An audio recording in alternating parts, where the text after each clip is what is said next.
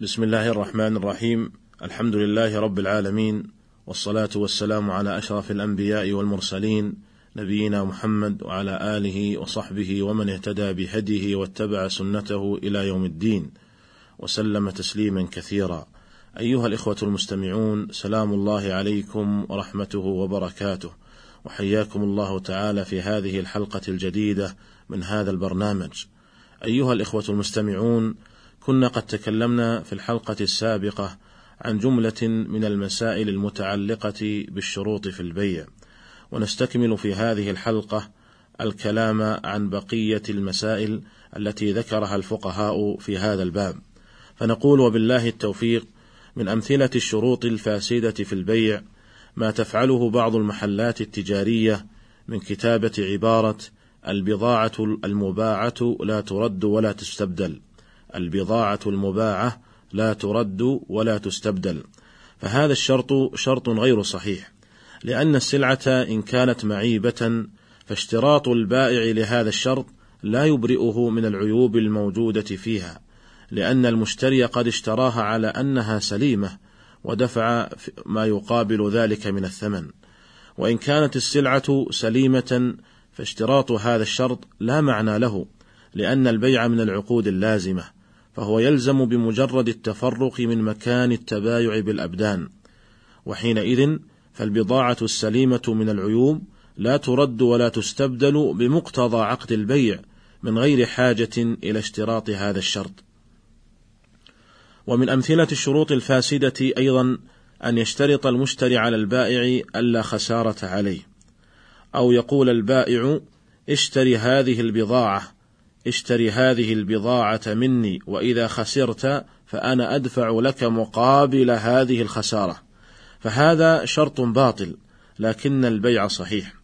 ويدل لذلك قول النبي صلى الله عليه وسلم من شرط شرطا ليس في كتاب الله فهو باطل وإن كان مئة شرط. ولأن مقتضى عقد البيع انتقال المبيع للمشتري بعد دفع الثمن والتصرف المطلق فيه. وأن له ربحه وعليه خسارته وحده. ومما يذكره الفقهاء في باب الشروط في البيع مسألة بيع العربون، ومعناه دفع جزء من الثمن إلى البائع، على أنه إن تم البيع فهو من الثمن، وإلا فهو للبائع. وقد اختلف العلماء في حكمه، والصحيح إن شاء الله أنه لا بأس به، وهو مروي عن عمر بن الخطاب رضي الله عنه، قال البخاري في صحيحه اشترى نافع بن عبد الحارث دارا للسجن بمكة من صفوان بن أمية على إن رضي عمر فالبيع بيعه وإن لم يرضى فلصفوان أربعمائة دينار.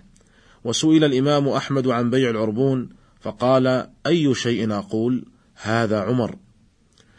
وكما يكون العربون في البيع فإنه يكون كذلك في الإجارة. وذلك بأن يدفع المستأجر مبلغا من المال على أنه إن تم عقد الإيجار فهو من الأجرة وإلا فهو للمالك فلا بأس بذلك. ويحسن التنبيه هنا إلى أن العربون في حالة عدم إتمام البيع أو الإجارة من حق المالك للمبيع أو للعين المراد أو, أو للعين المراد تأجيرها. وأما الوسيط أو الدلال كالمكتب العقاري مثلا فليس له أن يأخذ العربون إلا برضا المالك. ومما يذكره الفقهاء في هذا الباب من المسائل مسألة البيع بشرط البراءة من كل عيب مجهول، كأن يقول البائع للمشتري: أبيعك بشرط ألا تطالبني بعد إتمام البيع بأي شيء حتى ولو وجدت في السلعة عيبا. ومن ذلك قول بعضهم عند بيع السيارة مثلا أبيعك كومة حديد. أي إنني بريء من كل عيب تجده في السيارة بعد ذلك. فهل يجوز مثل هذا العمل شرعا؟ وهل يبرأ البائع باشتراط هذا الشرط؟ اختلف العلماء في هذه المسألة. والذي عليه كثير من المحققين من أهل العلم هو أن البائع إن كان عالما بالعيب فللمشتري الرد بكل حال. ولا ينفع البائع ولا ينفع البائع اشتراطه على المشتري براءته من كل عيب.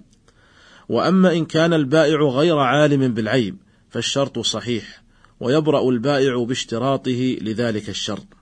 وقد اختار هذا القول شيخ الإسلام ابن تيمية رحمه الله وابن القيم رحمه الله تعالى. قال شيخ الإسلام ابن تيمية الصحيح الذي قضى به الصحابة وعليه أكثر أهل العلم أنه إذا لم يكن علم بالعيب فلا رد للمشتري. لكن إن ادعى علمه به فأنكر البائع حلف على أنه لم يعلم فإن نكل قضي عليه. وقال ابن القيم الصحيح في هذه المسألة ما جاء عن الصحابة. فإن عبد الله فإن عبد الله بن عمر رضي الله عنهما باع زيد بن ثابت رضي الله عنه عبدا بشرط البراءة بثمانمائة درهم فأصاب به زيد عيبا فأراد رده على ابن عمر فلم يقبله فترافعا إلى عثمان بن عفان رضي الله عنه فقال عثمان لابن عمر تحلف أنك لم تعلم بهذا العيب؟ قال لا. فرده عليه أي قضى عليه بالنكول فباعه ابن عمر بألف درهم. ذكره الإمام أحمد وغيره. وهذا اتفاق من الصحابة على صحة البيع وعلى جواز شرط البراءة واتفاق من عثمان وزيد على أن البائع إذا علم بالعيب لم ينفعه شرط البراءة. انتهى كلامه رحمه الله.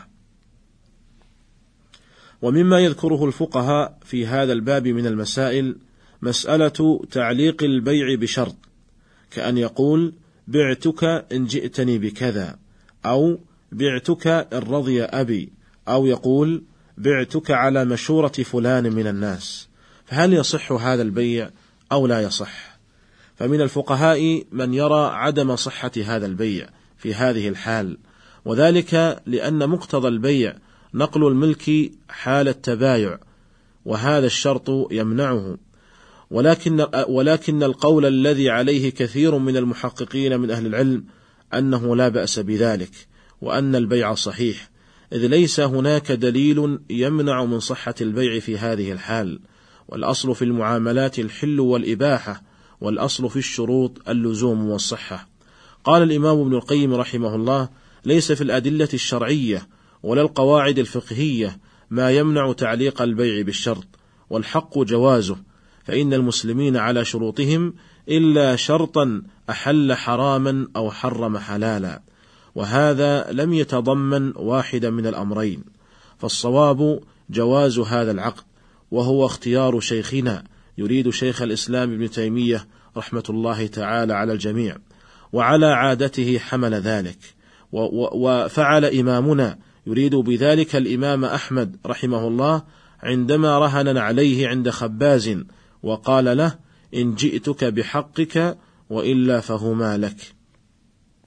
وقال الشيخ عبد الرحمن السعدي رحمه الله الصواب جواز تعليق العقود فإن القول بأن تعليق العقود غير جائز لا دليل عليه من كتاب ولا سنة ولا قياس ولا بد للتعليقات من أمور مقصودة تعلق لأجلها وتلك الأمور لا محذور فيها والأصل الجواز والأصل هو الجواز والحل في كل العقود. قال ويترتب على هذا القول أن الصحيح جواز قوله بعتك داري بكذا على أن تبيعني عبدك أو نحوه بكذا. ولا يدخل هذا تحت نهيه صلى الله عليه وسلم عن بيعتين في بيعة لأن المراد أن يعقد على شيء واحد في وقت واحد عقدين وذلك كمسائل العينة وما أشبهها. وأما هذه الصورة وما أشبهها فإنها بمسائل التعليق أشبه وليس فيها محذور أصلا إلا إذا تضمنت ظلما في أحد العقدين فيمنع لأجل ذلك. انتهى كلامه رحمه الله. ويفهم من كلام الشيخ عبد الرحمن السعدي رحمه الله أنه لا بأس بأن يقول البائع للمشتري أبيعك سيارتي بشرط أن تبيعني سيارتك مثلا. أو بشرط أن تؤجرني بيتك مثلا ونحو ذلك. وقد اختلف العلماء في هذه المسألة والذي عليه كثير من المحققين من أهل العلم أنه لا بأس بذلك كما رجحه الشيخ عبد الرحمن السعدي رحمه الله.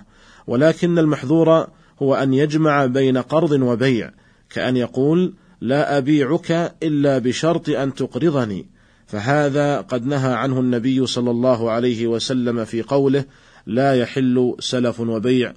وإلى هذا القدر أتوقف معكم في هذه الحلقة وإلى لقاء في حلقة قادمة إن شاء الله. أستودعكم الله تعالى والسلام عليكم ورحمة الله وبركاته.